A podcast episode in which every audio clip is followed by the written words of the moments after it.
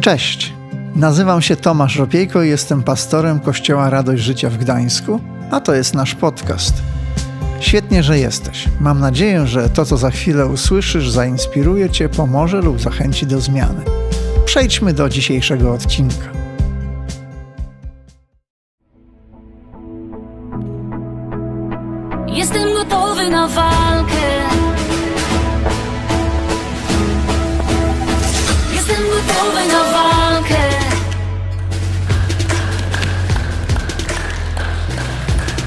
Witam Was wszystkich bardzo serdecznie na tym miejscu, jak również online. Cieszę się, że możemy razem się spotykać, niezależnie od miejsca, w którym jesteśmy i uwielbiać naszego Boga i słyszeć Jego żywe słowo i po prostu wzrastać duchowo. To jest naprawdę niesamowite, że możemy nadal cały czas to robić. E, więc cieszmy się razem. E, dzisiaj e, kolejna porcja dobrego słowa jest przed nami.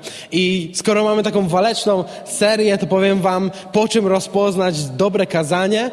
Dzisiaj może takie właśnie e, Was czeka. Jestem przekonany, że takie Was czeka. Może nie ze względu na formę, ale powiem Wam, że tyle przeciwności i tyle walki, ile ja miałem w tym tygodniu, żeby się tutaj nie pojawić jednak, które miały mi, e, mi, mi to zablokować, to dawno nie przeżyłem tylu, więc naprawdę spodziewajmy się czegoś dobrego. Po tym można rozpoznać dobre kazanie. Wierzę, że dzisiaj Duch Święty będzie działał, Bóg będzie do nas mówić. Amen? Amen. Kochani, mamy, kontynuujemy dalej serię Jestem gotowy. E, seria bardzo waleczna, która ma nas wyposażyć, ma pomóc nam w tym, abyśmy mogli mierzyć się z naszymi życiowymi goliatami. E, I tydzień temu em, temat brzmiał oko w oko z olbrzymem. Jak z nim stanąć? Oko w oko. O tym mówił e, Szymon Kasprzyk. Świetnie nam opowiedział o tym, żebyśmy nie byli sparaliżowani. Opowiedział o tym, jak w ogóle przygotować się do tego sta takiego starcia, jak e, po prostu e, wyjść, bo czasami to nie jest takie łatwe, czasami nas strach absolutnie paraliżuje. E, więc e, tak było tydzień temu. I teraz dzięki temu pięknemu wprowadzeniu możemy przejść do kolejnej części i e, chcę Wam tylko przypomnieć, że ze względu na to, że ta seria e, właśnie jest taka, jaka jest, waleczna, to powinniśmy być przygotowani na to, że będzie tutaj w tym miesiącu głośna seria wielkich huków. Nie wiem, czy wiecie dlaczego, ale ja już Wam spieszę z odpowiedzią. Będzie to seria wielkich huków, głośnych huków, ponieważ Goliaty na tym miejscu i w Waszych domach będą padać jeden za drugim. Amen? Będą padać jeden za drugim, więc nie, e, nie spodziewajmy się niczego innego, jak wielkich huków, e, upadków ich i naszego zwycięstwa. Kiedy będziemy tydzień w tydzień wyposażani coraz bardziej w kolejne, e, w kolejne sposoby na walkę, na walkę z nimi. Może w innym czasie się to będzie działo, ale to się wydarzy. W to wierzę.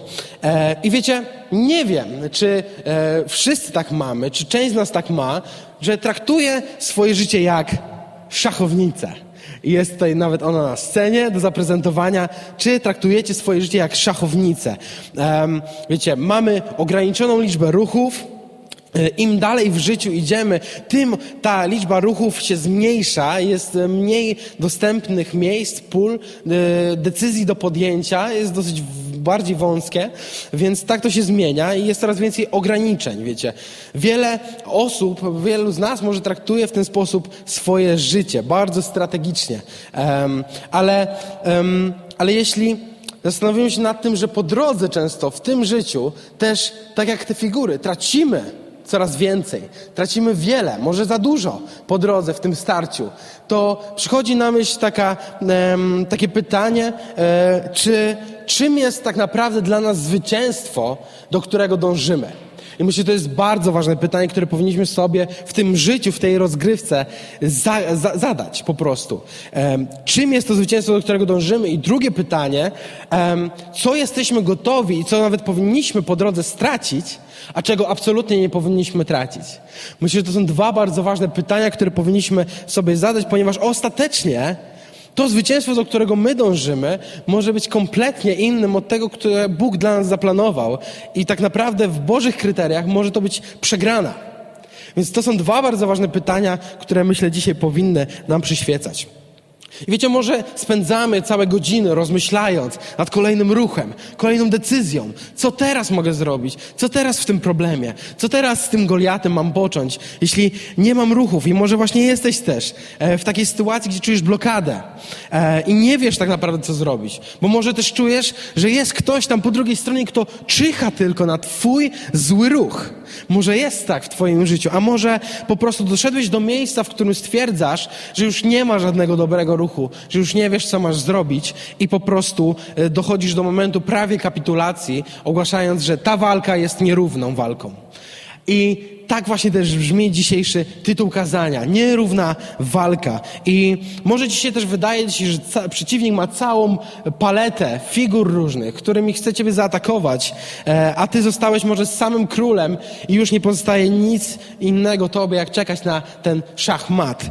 E, ale mam nadzieję, że zmienimy naszą dzisiaj perspektywę przez to też, że przejdziemy teraz do dalszego etapu historii o Dawidzie i Goliacie, o której e, rozmawiamy, o której mówimy w tym miesiącu e, i zrozumiemy, na czym tak naprawdę polega ta nierówna walka.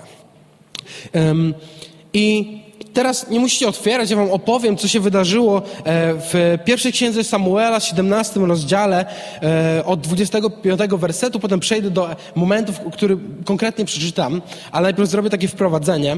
W tym momencie czytamy o e, sytuacji, w której armia izraelska już poznała Goliata, już go zobaczyła, on już wyszedł, potężny, straszny i ta armia była kompletnie przerażona. Jeden człowiek, jeden olbrzym wyszedł i oni po prostu em, wpadli w popłoch. Em, I oni zaczęli poszukiwać też kogoś, kto stawi temu olbrzymowi czoła. No i wtedy, w tym momencie, znany nam prawdopodobnie po ostatniej niedzieli już Dawid wkracza na scenę walki, na scenę wojenną. E, I co jest ciekawe, em, on właśnie tak nagle zjawia się właściwie, można by powiedzieć, znikąd. Wśród tłumu wojowników. I nagle tam taki drobny, niewielkiej postury, ma niedoświadczony Dawid, nagle pasterz, dodam, pastuch, zwykły pastuch, przychodzi wśród wojowników i zaczyna dopytywać.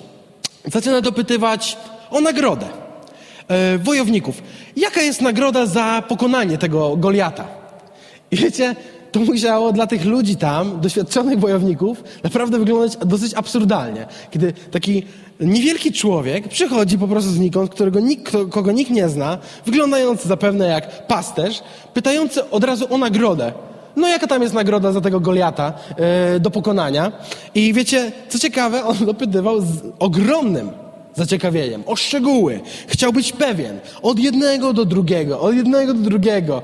I dopytywał ich. To naprawdę musiało być absurdalne. I wiecie, mimo wszystko, to zachowanie Dawida już nam coś pokazuje. Możemy się z tego dzisiaj śmiać trochę. E, Ja też tak zabawnie przedstawiam, ale em, to zachowanie pokazuje nam jego nastawienie. Jego nastawienie. Że nie myśli o tym, co on ma, ale jest nastawiony na zwycięstwo. On, on jest wręcz skupiony konkretnie na zwycięstwie, e, wręcz jest pewny tego. E, I on właściwie w przeciwieństwie do całej reszty, którzy można by powiedzieć byli przygotowani dużo bardziej niż on do takiej walki, on w przeciwieństwie do nich nie jest kompletnie sparaliżowany strachem. Nie rozmyśla też zbyt długo nad kolejnym ruchem. Co zrobię dalej? Co teraz, jak już tu się znalazłem, żeby dojść do tego momentu, żeby być gotowym na Goliata? Nie. E, nie rozważa nawet za czy przeciw. Nie zastanawia się jakby, czy warto. On po prostu od razu przeszedł te wszystkie etapy, doszedł do momentu, w którym pyta o nagrodę. Absurd. Brzmi to zabawnie. Zjawił się znikąd, pyta o nagrodę. No niesamowite. I nawet więcej mogę wam powiedzieć z tej historii. Wynika, że widzimy też w nim gniew. Gniew skierowany w kierunku Goliata. E, z powodu faktu, że Dawid nie pozwalał sobie na znieważanie Izraela i jego żywego Boga, co właśnie zrobił Goliat. Znieważył. Znieważył Boga i znieważył Izrael, znieważył jego lud. I Dawid nie mógł, absolutnie nie mógł na to pozwolić. Było to dla niego niewybaczalne. Em, I dalej też dowiadujemy się końcu, że y, z pewnością e, dzięki Dawidowi, jego e, uporczywości, dowiadujemy się, że tą nagrodą e, dla śmiałka, który pokona Goliata jest, uwaga, Olbrzymie bogactwo brzmi dobrze. Po drugie, poślubienie córki króla brzmi też całkiem nieźle. I trzecie, jeszcze jest trzecia rzecz, zwolnienie jego rodu w Izraelu z podatków. No, proszę bardzo. To brzmi jeszcze lepiej. Nie wiem, myślę, że nie jeden z nas chciałby być zwolniony. Cała nasza rodzina zwolniona z podatków, z płacenia podatków. Przydałby się może taki konkurs też tutaj u nas w kraju, żeby udało się coś takiego zrobić w naszej rodzinie, w naszej sytuacji, no ale e, może kiedyś. E, więc e, kiedy Dawid już naprawdę upewnił się u wielu wojowników o tym, jaka jest nagroda, to czytamy o tym w końcu, że przyprowadzono go do władcy którym był Saul. I możemy tutaj otworzyć lub zerknąć na ekran pi- pierwsza księga Samuela, 17 rozdział od 32 wersetu. E, I e, wówczas Dawid powiedział do Saula, czytamy, wówczas Dawid powiedział do Saula, niech z powodu tego Filistyna nikt nie truchleje ze strachu. To mówi Dawid. Dawid, który jest niewielki, e, Dawid, który e, nadal pamiętamy o tym, że jest wątłej postury, który, po prostu jest pasterzem, przychodzi przed tymi wszystkimi wojownikami mówi niech z powodu tego Filistyna nikt nie truchleje ze strachu. Twój sługa, mówi dalej do króla, do Saula, twój sługa pójdzie i będzie z nim walczył. Lecz Saul zaoponował. To tak leciutko powiedziane. Na pewno dla niego też to musiało być ciekawe i absurdalne, no ale mówi tak. "Em, Nie możesz tak po prostu e, wyjść, aby z nim walczyć. Brzmi to dosyć logicznie. Nie możesz tak po prostu wyjść, aby z nim walczyć. Ty jesteś jeszcze chłopcem, a on jest wojownikiem od swojej młodości. Lecz Dawid, nic dziwnego, się nie zniechęcił. Skoro już miał zaplanowane, co zrobi z nagrodą, skoro już się nią zainteresował, wiedział, że wygrał, byłby tego pewien, no to jak miałby się zniechęcić? I mówi dalej, twój sługa pasał owce swego ojca, przekonywał Saula. Okej. Gdy zjawił się lew albo niedźwiedź i porywał mi owcy ze stada, wychodziłem za nim, powalałem go na ziemię i wyrywałem mu zdobycz z paszczy. Co dalej? A jeśli się na mnie rzucił, chwytałem go za grzywę, biłem go i zabijałem. No. I lew i niedźwiedź byli bici. Po prostu.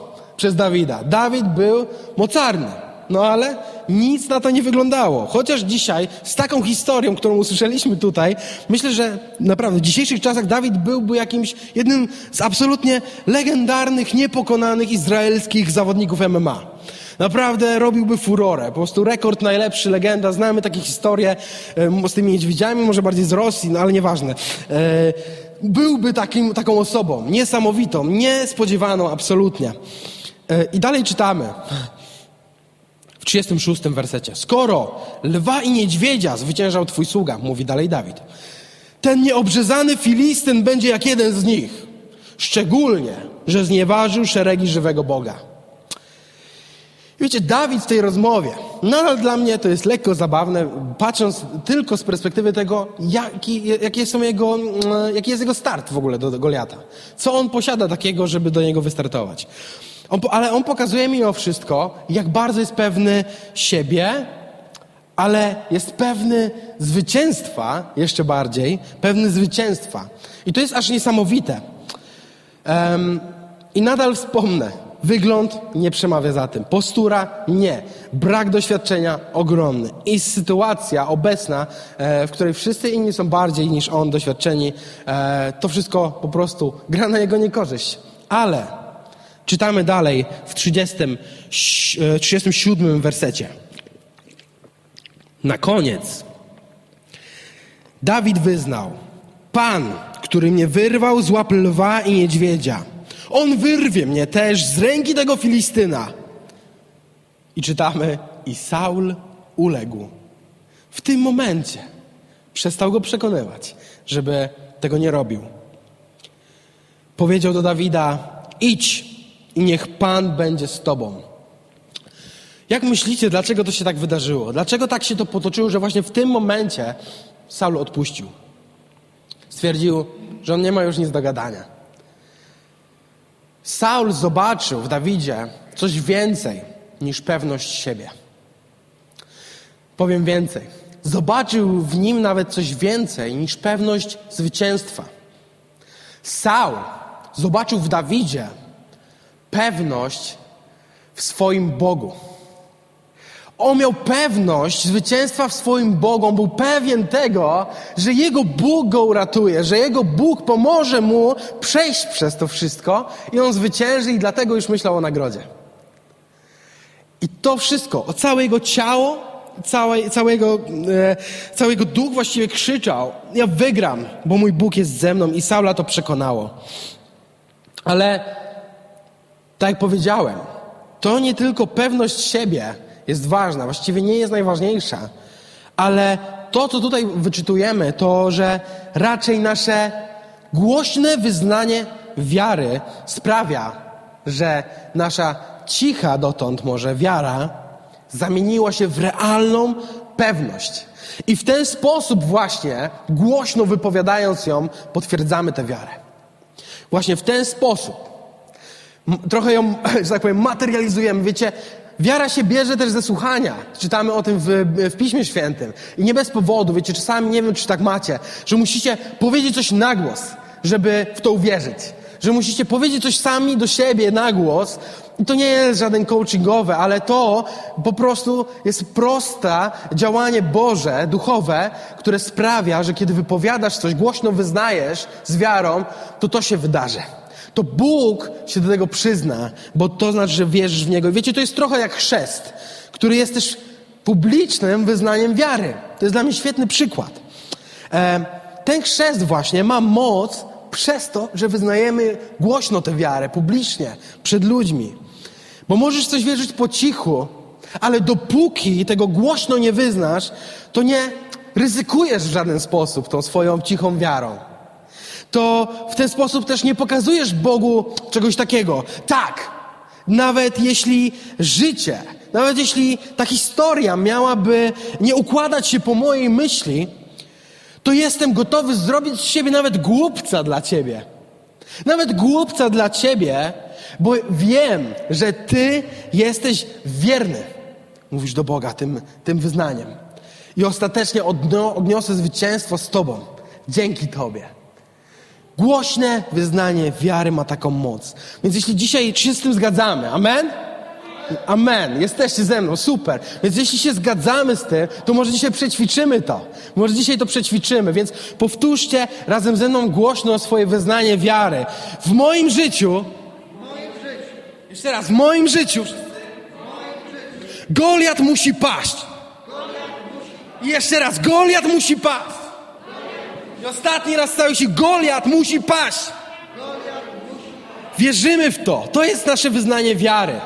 I dzisiaj, teraz, chciałbym przejść do kolejnego e, wspaniałego wyznania wiary, do wspaniałej historii z serii e, Goliat musi paść, czyli historii Michała. Wsłuchajmy się w nią, obejrzyjmy ją razem i inspirujmy się.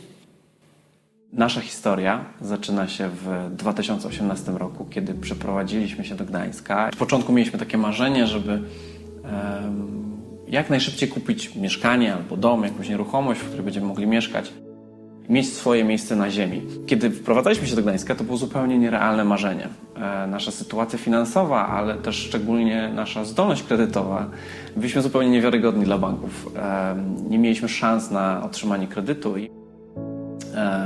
Ale w, jakby w, w tym momencie przeprowadzki stwierdziliśmy, że to jest kwestia czasu, jakoś to się poukłada wszystko, poczynimy pewne kroki, żeby udało się to zrobić. My cały czas planowaliśmy, nawet wyznaczaliśmy sobie jakieś daty, kiedy to się wydarzy. Czas mijał i tak naprawdę im więcej czasu mijało, tym bardziej oddalaliśmy się od, od tego marzenia. Mimo wszystko staraliśmy się po- podejmować jakieś kroki, ale tak naprawdę nasza sytuacja finansowa, kredytowa pogarszała się. I, I do tego stopnia się w pewnym momencie pogorszyła, że czuliśmy bardzo duży dyskomfort i, i, i, i, marzenie domu w tym wszystkim nawet odeszło trochę na dalszy plan, dlatego że, że my po prostu brakowało nam pieniędzy do życia, do takiego normalnego funkcjonowania.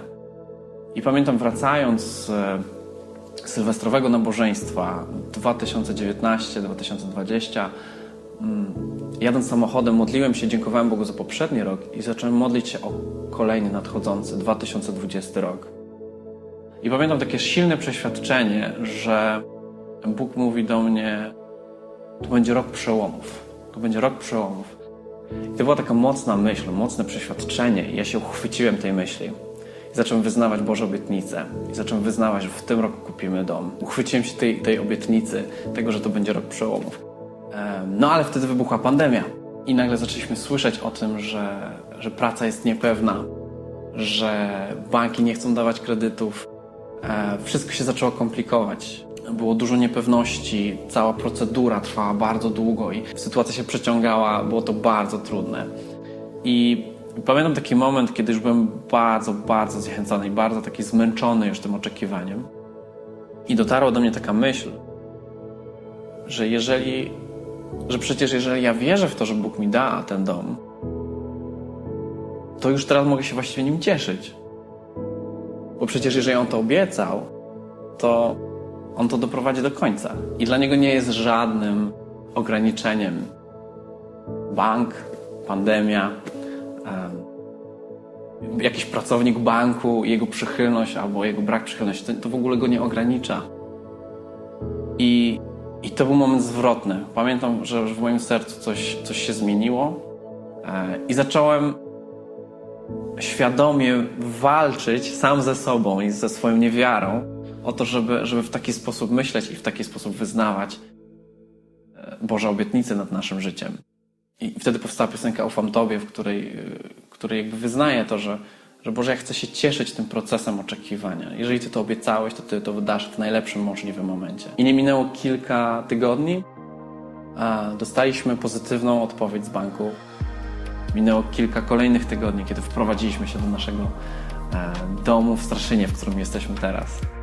Rok potem, kiedy mieliśmy pusty portfel, zamieszkaliśmy w wykończonym, nowym, pięknym, naszym domu w Straszynie. Dla Boga nie ma rzeczy niemożliwych i nie jest ograniczony sytuacją na rynku kredytów, nie jest ograniczony pandemią, nie jest ograniczony naszymi finansami. Kiedy On obiecuje coś, On dotrzymuje słowa. Chciałem z całą rodziną podziękować Bogu za to, że On jest wierny swoim obietnicom. Nawet kiedy tego nie widzimy, On działa i ma dobry plan dla naszych spraw.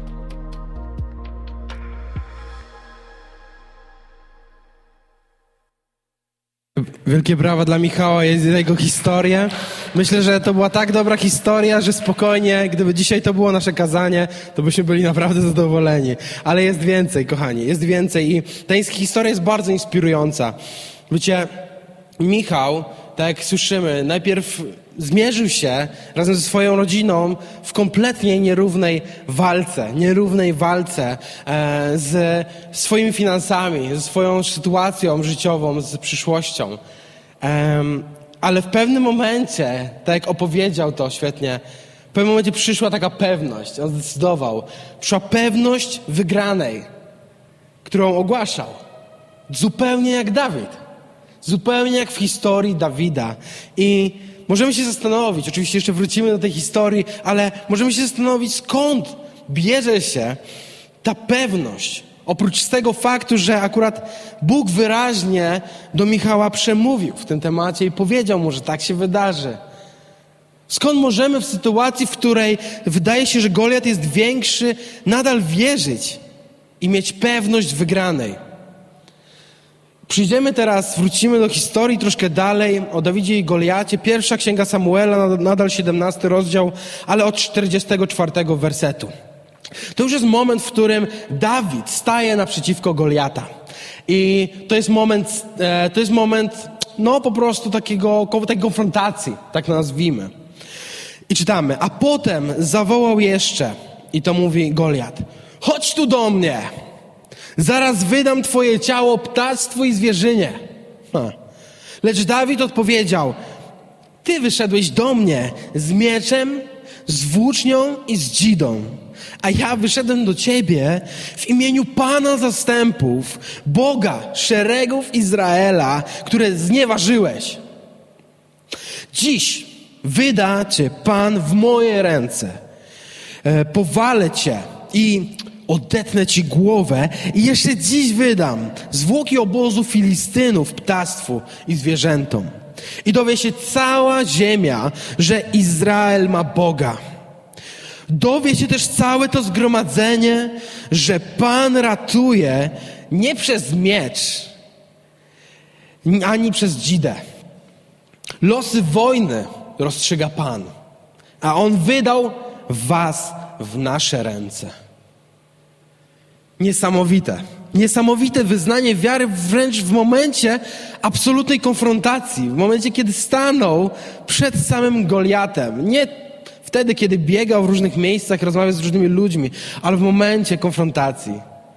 I wiecie,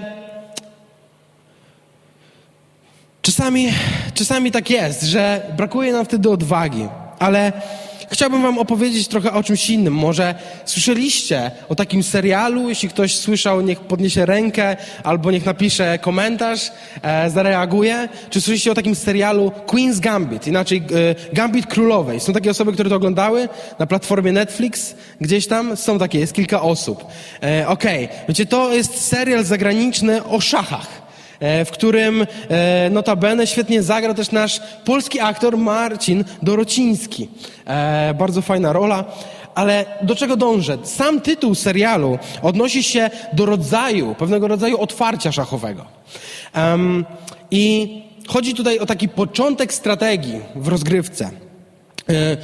I, w tej właśnie konkretnej strategii, w tym otwarciu, o gambicie królowej.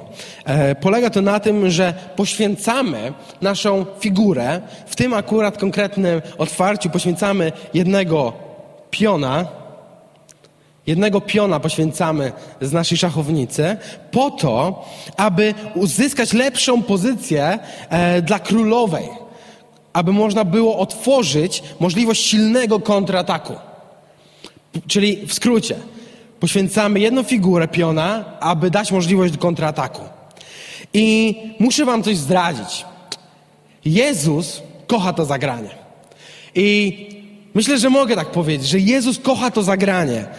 I chciałbym ci powiedzieć, zastanów się, co dzisiaj jest pionem, takim pionem w twoim życiu, taką figurą. I może jest ich więcej niż jedna, ale zastanów się chociaż nad jedną nad jedną. I wiecie, może, żebyście byli pewni tej analogii, to są rzeczy w naszym życiu, które musimy poświęcić, aby można było wyprowadzić silny kontratak. Czy jesteś na to gotowy? Zastanów się nad tym. My często w swoim życiu jesteśmy skupieni na tym, żeby nie stracić żadnej figury żeby nie stracić niczego w naszym życiu, żeby wszystko do samego końca było bardzo poukładane. Ale szczerze, to oddala nas od prawdziwego zwycięstwa, zamiast nas do niego przybliżać. I to jest brutalne, wiecie. Dawid w rozgrywce swojej stracił chociażby możliwość pełnego uzbrojenia. E, wyszedł do walki tylko, w cudzysłowie, i aż w imieniu Boga. To było tyle. Dawid stracił w rozgrywce też na doświadczeniu. Stracił je, nie miał go. Stracił też na warunkach fizycznych, e, ale miał po swojej stronie Boga. I to było najważniejsze. I ostatecznie mogę Wam dzisiaj powiedzieć, jeśli jeszcze tego nie wiecie, Goliat ostatecznie padł, przegrał. Przegrał z Dawidem. Wiecie, wracając do historii Michała, Michał w swojej historii opowiada, jak stracił mnóstwo czasu Stracił mnóstwo czasu w swojej historii, w swojej walce. Stracił też po drodze właściwie więcej pieniędzy, niż mógł zaoszczędzić na to marzenie, które, które, e, z którym, które walczył z Bogiem. Stracił też nadzieję w pewnym momencie, ale potem, kiedy Bóg do niego przemówił, to niczym Dawid, słyszeliśmy, zaczął coraz głośniej, wierzy z całą swoją rodziną wyznawać, że Bóg da im ten wymarzony dom. I dał. I przyszedł i dał. Wypełnił obietnicę. Wygrał. I więcej. Potem też, niczym Dawid, zaczął się już nim cieszyć, zanim jeszcze ten dom był. Zaczął już wie, wiedzieć o tym, że on będzie i już myślał o tym, jak on będzie wyglądać, zamiast skupiać się na tym Goliacie. To było niesamowite. Nie zakładał innej opcji. Bóg mu dał ten wymarzony dom, a Goliat padł. I wiecie, walka z Goliatem była nierówna od samego początku. Nierówna od samego początku. Walka Dawida z Goliatem była nierówna od samego początku, bo, może to jest zaskoczenie, właśnie bo po stronie Dawida był Bóg. Nie dlatego, że Goliat był potężny, tylko dlatego, że po stronie Dawida był Bóg. I wiecie, może skupiliśmy się w tej historii, może dzisiaj, może nie raz wcześniej, bardziej na tym, że tak potężny i tak straszny, przerażający jest Goliat. Że zapomnieliśmy o tym, że po stronie Dawida od samego początku był wszechpotężny i wszechmogący Bóg, przez to ta nierówna walka była absolutnie na niekorzyść Goliata od samego początku. Od samego początku, mogę, można powiedzieć, biedny Goliat nie wiedział, co robi. Biedny Goliat. Możemy mu współczuć, bo wszechpotężny Bóg był po stronie e, da, Dawida i to wierzę, że, w to, że o wiele potężniejszy niż nawet setka takich Goliatów. Wiecie, jednak często w naszej rozgrywce, często my oczekujemy, że Jezus, to jest bardzo ważne, posłuchajcie tego, że Jezus będzie jedną z figur, która w pewnym momencie nagle wkroczy na planszę gdzieś, my dobrze ją zagramy i ona obróci całkiem przebieg gry. Często tak podchodzimy do tego, ale wiecie co? Jezus nie jest jedną z figur. Pomyślcie sobie w swoim życiu. Czy próbujemy zrobić tutaj miejsce tak dla Jezusa? Okej, okay, tutaj, tutaj zadziałasz w ten sposób, tu cię poruszę w ten sposób, poruszę, tutaj, tutaj e, wystawię cię w ten sposób, tutaj pomożesz, pokonasz to. Traktujemy czasami Jezusa jako jedną z figur, gdzie tak naprawdę On nie jest nią, bo On jest graczem. Mam nadzieję, że nadążacie za mną z tą analogią. On jest graczem. Więc co musisz zrobić? Tak naprawdę jest jeden wymóg do Twojego zwycięstwa Twoim życiu. Musisz zejść z fotela, z fotela gracza, z fotela szachowego i oddać mu pełną kontrolę nad tą grą. Pełną kontrolę nad tą grą. I może też tego nie wiecie, ale Dawid to nie jest tak naprawdę w tej historii obraz przedstawiający nas walczących jako ludzi. My wcale nie powinniśmy aż tak bardzo się z nim utożsamiać w tej walce, ponieważ już spieszę z odpowiedzią, on jest obrazem i zarazem zapowiedzią Chrystusa jako jego przodek. Dawid w historii walki z Goliatem pokazuje tak naprawdę, co Chrystus uczyni tysiąc lat później, po, po tej sytuacji, około tysiąca lat później. Że On wygra, tak jak Dawid wygrał dla Izraelitów z Filistyńczykami, z Goliatem, tak samo Chrystus wygra już niebawem, już za jakiś czas wygra dla nas na zawsze. Żebyśmy my już nie musieli walczyć bo On walczy za nas. Bo On walczy za nas. Amen? Amen. Amen. I On już to zrobił na zawsze, nieodwracalnie. Nic nie może tego zmienić. Żadna Twoja myśl, żaden Twój problem, żaden Twój Goliat. I wiecie, wobec tego możemy zaufać, że Chrystus jest absolutnym arcymistrzem szachowym, który rozegra zwycięsko naszą partię, jeśli mu damy to zrobić jeśli tylko damy Mu to zrobić. I wiecie, to wcale nie jest takie łatwe, wręcz to jest trudne. Bo kiedy widzimy, wiecie, straconego piona, nagle może inną figurę, która jest stracona, jakąś inną rzecz w naszym życiu, która nagle znika, która się przemieszcza, jest już gdzieś indziej, której już nie ma, brakuje, to w tym momencie denerwujemy się, boimy się. Nie rozumiemy, co się dzieje, bo nie jesteśmy w głowie Jezusa. Nie wiemy, co On zrobi. Nie jesteśmy te wiele ruchów przed przeciwnikiem, tak jak On. Jednak powinniśmy nadal Mu ufać i być pewnymi, że On wie lepiej, bo przecież On zna naszą przyszłość. On wie w tej rozgrywce, co się dzieje dwa, pięć, dziesięć, dwadzieścia, pięćdziesiąt, sto kroków i więcej dalej. On jest w stanie wygrać tą bitwę tak, jak będzie tego chciał. Jednak nie zawsze mu ufamy, ale Jezus jest arcymistrzem szachowym wszechświata. Jest prawdziwym, niepokonanym królem. Nigdy nie został pokonany, ani razu. On wie, jak wygrywać. Dlatego chcę Wam powiedzieć o czymś, co dzisiaj nazwałem gambitem Jezusa.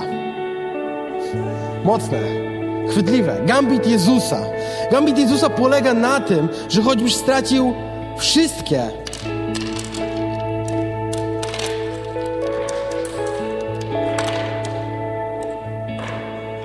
wszystkie figury z twojej szachownicy, choćbyś stracił wszystko, co masz w swoim życiu, ale nadal masz króla, to jesteś zwycięzcą. Bo Jezus już nie jedną wygraną roz, rozgrywkę w ten sposób rozegrał. E, to jest właściwie Jego styl. Zaufaj Mu. Styl skupiony na zwycięstwie, a nie tak jak my chcemy, czyli zatrzymaniu wszystkich figur. Możliwie jak największych rzeczy, porządku w naszym życiu. On chce wygrać. On chce wygrać dla Ciebie. A skąd to wiem? Zajrzyjmy do Pisma Świętego bardzo szybko. Pierwszy list Jana, czwarty rozdział, czwarty werset. Ja to szybko przeczytam, nie musicie otwierać. Wy, dzieci, pochodzicie od Boga i odnieśliście nad nimi zwycięstwo. Ten bowiem, który jest w was, jest potężniejszy niż ten, który jest na świecie. Jeśli mi dalej nie wierzycie, to kolejny werset. Pierwszy list do Koryntian, 15 rozdział, 55 werset.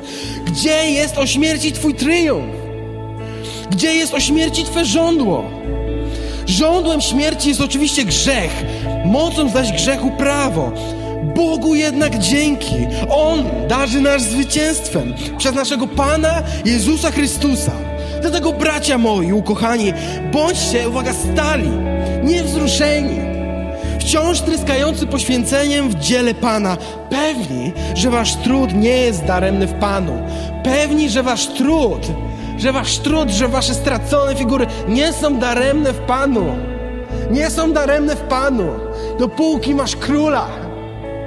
Jedną, jedną figurą on jest w stanie zrobić wszystko. Wiecie, jeśli dalej mi nie wierzycie, jeśli dalej nie jesteście ze mną, Kolosan, list do Kolosan, drugi rozdział, dwunasty werset. Jako pogrzebani wraz z Nim w chrzcie i chrzcie razem z Nim ożywieni przez wiarę pochodzącą z działania Boga, który wzbudził Chrystusa z martwych. Was, martwych z powodu upadków i nieobrzezanych we własnej cielesności. Razem z Nim ożywił, darując nam wszystkie upadki, powtórzę, darując nam wszystkie upadki.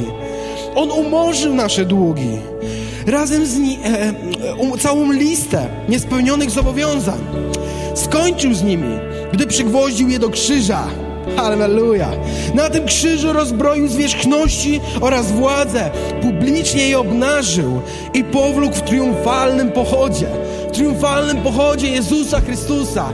Czy dzisiaj chcesz zobaczyć w swoim życiu, w swojej rozgrywce triumfalny pochód Jezusa Chrystusa? Wiesz, to, to jest cała Jego królewska gra. To jest cała Jego królewska gra Twoim życiu. I ten gambit, gambit Jezusa zaskakuje, bo Jezus tym zagraniem wybiera najlepszą z możliwych opcji, ale taką, która często nie jest naszą wybraną, nie jest naszym wyborem. Michał w swoich historiach, słyszeliśmy, chciał otrzymać kredyt, aby móc zdobyć wymarzony dom. I tak, Jezus dał mu to. Ale, uwaga, miał dla niego przygotowane jeszcze więcej. Miał dla niego przygotowany wspaniały, potężny utwór, który miał pomóc uwielbiać innym ludziom w podobnych sytuacjach. Wspaniały Bóg. Michał nie był w stanie tego przewidzieć. On nie mógł zobaczyć tego na swojej szachownicy. Ale Jezus wiedział. On był kilka kroków przed nim i wiedział, musimy to tak rozegrać. Musimy stracić kilka pionów, kilka figur po to, żeby zrobić coś większego niż tylko, żebyś ty miał dom, co jest ważne dla mnie, ale so, jest, jest, jest więcej po prostu. Jest więcej. Zaufaj mi. I wiecie, Izraelici pragnęli zwycięstwa nad Filistynami, tak? Tak. Ale Bóg nie dał im tylko zwycięstwa, ale dał im spektakularne zwycięstwo. Spektakularne zwycięstwo niskiego, niepozornego, nieuzbrojonego, niedoświadczonego Dawida z ogromnym, potężnym, doświadczonym Goliatem. Nie wiem, jak myślicie, ale w porównaniu z tym, jak Goliat próbował znieważyć Izraela i jego Boga, to jak bardzo to jest upokarzające. Jak bardzo wszystko się odwróciło na niekorzyść Filistynów, na niekorzyść Goliata. I dzisiaj może myślisz, że już wszystko tracisz, a Goliat patrzy ci prosto w oczy. Twój problem dzisiaj jest większy od ciebie, patrzy ci prosto w oczy i śmieje się z ciebie. Może jesteś w takiej sytuacji, nie wiem, czy macie tak, że sami macie wrażenie, że problemy się z was śmieją. Że wasze problemy śmieją się z waszego Boga, że go znieważają, tak jak Goliat, stoją, krzyczą, co ten twój Bóg może zrobić? Co ty możesz z tym swoim Bogiem? Kim On jest?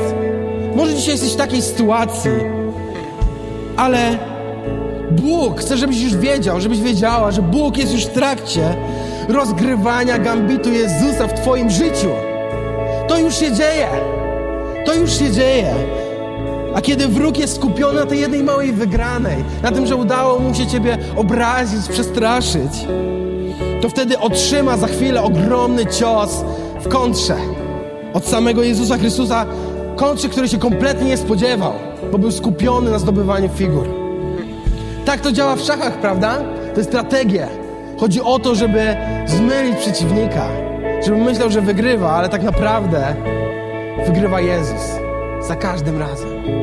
Jezus. I wiecie, chciałbym się dzisiaj modlić. Chciałbym, żebyśmy teraz może zamknęli swoje oczy. Czy jesteśmy przed ekranami, czy tu na miejscu. Zamknij swoje oczy. Spotkaj się dzisiaj z Bogiem, z Jezusem. Zastanów się nad swoim życiem, nad swoją rozgrywką, nad swoją walką, nad swoimi Goliatami. I mam dla Ciebie dzisiaj wyzwanie. Naucz się dużo szybciej przewidywać, widzieć, kiedy taki gambit jest grany przez Jezusa w Twoim życiu. Spróbuj go zasmakować, spróbuj nie zapomnieć tego, jak wygląda ta wygrana walka z Jezusem. I potem sobie przypominać za każdym razem, kiedy przyjdzie kolejna bitwa do Twojego życia. Nie zapominaj tego uczucia, nie zapominaj tej rozgrywki, nie zapominaj tego otwarcia Jezusa Chrystusa. Gambitu Jezusa, nie zapominaj o tym. Oddaj mu kontrolę. Zostaw wolny fotel, daj mu wejść i daj mu rozegrać to po swojemu. Nie próbuj tego kontrolować. Naucz się tego rozegrania, zrozum na czym ono polega, wiecie, bo to jest pozorna strata w Twoim życiu. Coś, co dla Ciebie wygląda groźnie, ale tak naprawdę w całej rozgrywce, w całej bitwie nie ma znaczenia, bo ta strata tak naprawdę w rękach Chrystusa doprowadzi Cię do wygranej. Ta strata, usłysz to jeszcze raz dzisiaj, doprowadzi Cię do wygranej. I tak na to spójrz. I dzisiaj się pomodlę o nas wszystkich. Drogi Ojcze, proszę Cię, abyśmy mogli lepiej zauważać te Twoje zagrania, wspaniałe królewskie zagrania, ten gambit Jezusa w naszym życiu, żebyśmy wiedzieli, jak On smakuje, żebyśmy mogli iść dalej, żebyśmy mogli szybciej to zauważyć, nie wpadać w panikę, nie wpadać w popłoch, jak Izraelici, nie dawać miejsca na strach w swoim życiu, tylko ufać Tobie, Jezu, ufać zawsze Tobie, Jezu. Prosimy Ciebie, Ojcze, modlimy się też o taką radość ze zwycięstwa dzisiaj, z przekonaniem, że to zwycięstwo będzie jutro, że to zwycięstwo będzie w przyszłości. My chcemy już dzisiaj cieszyć się ze zwycięstwa, nie czekać na to, aż się zobaczymy, bo mamy taką pewność i chcemy mieć też świadomość, modlimy się o to, Ojcze, że ta nierówna walka jest tak naprawdę na niekorzyść przeciwnika, bo my mamy po stronie wszechpotężnego Boga. Daj nam to przeświadczenie, daj nam ten pokój, daj nam to, to, to wejrzenie w Twoje zagrania, w Twoje, twoje otwarcia, w Twoje drogi zwycięskie, które nie są może naszymi drogami. Daj nam to zrozumieć. Amen. Amen. Wiesz, może jesteś, dzisiaj tutaj jesteś i chciałbym Ci powiedzieć, że Chrystus rozegrał taki gambit, podobny gambit na krzyżu 2000 lat temu. Kiedy szatan już myślał, że wygrał, myślał, że zaraz będzie mat, szach mat, myślał, że on już ma go ukrzyżowanego, że on już zginie i nie wróci. To w tym momencie Jezus wykonał gambit Jezusa i odwrócił wszystko. Dla ciebie i dla mnie. Zmienił bieg historii. Szatan się tego nie spodziewał. Twój przeciwnik, mój przeciwnik się tego nie spodziewał.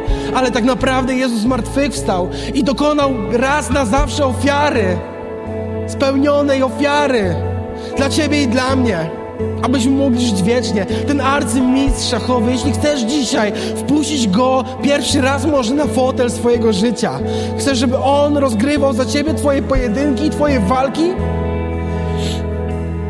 Jeśli chcesz skupić się na zwycięstwie zamiast na utrzymywaniu w własnych siłach swojego życia, tego porządku, który sobie stworzyłeś, stworzyłaś, to dzisiaj jest na to moment.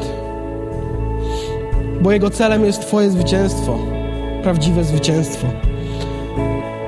I wiecie, Bogu zależy na spektakularnej wygranej w Twoim życiu, nie na takiej zwykłej. Ale pamiętaj też, że największą wygraną w Twoim życiu jakiej możesz doświadczyć, jest życie wieczne z Nim. Każda inna wygrana jest mniej, mniej ważna.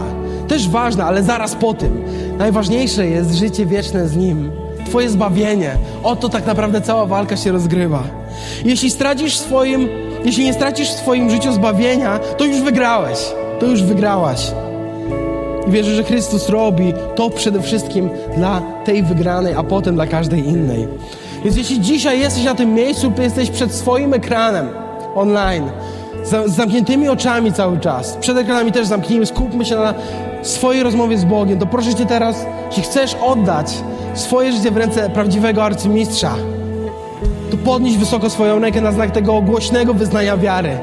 Głośnego wyznania wiary dla swojego Boga, pokazując Mu tak, wierzę w Ciebie. Podnieś wysoko swoją rękę z odwagą. Dzisiaj dziękuję. Podnieś swoją rękę z wysoko z odwagą. Dzisiaj tak, oddaję Tobie stery. Oddaję Tobie moje życie i chcę z Tobą wygrywać. Podnieś swoją rękę, jeśli dzisiaj chcesz to zrobić. Dziękuję. Podnieś swoją rękę, jeśli dzisiaj chcesz oddać Mu swoje życie. Teraz się pomodlimy. Powtórzcie za, mnie, za mną te słowa przed ekranami, jeśli tu jesteście, a szczególnie te osoby, które podniosły swoją rękę. Drogi Ojcze, Jezu Chryste, oddaję Tobie moje życie. W Twoje ręce. Rozgrywaj moją partią. Bądź moim arcymistrzem. Ogłaszam Ciebie jako mojego Pana i Zbawiciela.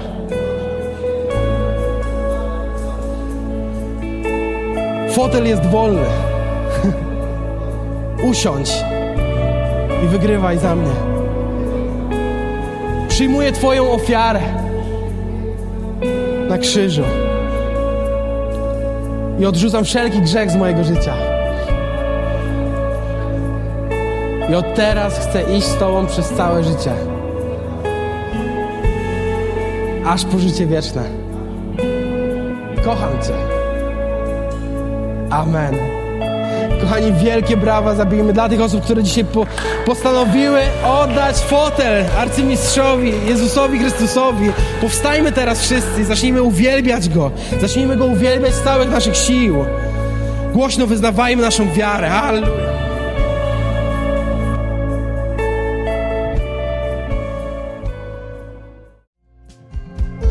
Dzięki, że zostałeś z nami do końca. Pamiętaj, że odcinki pojawiają się w każdy poniedziałek o 18. Jeśli chcesz dowiedzieć się o nas więcej, to wejdź na stronę kazetgdańsk.org. Do usłyszenia.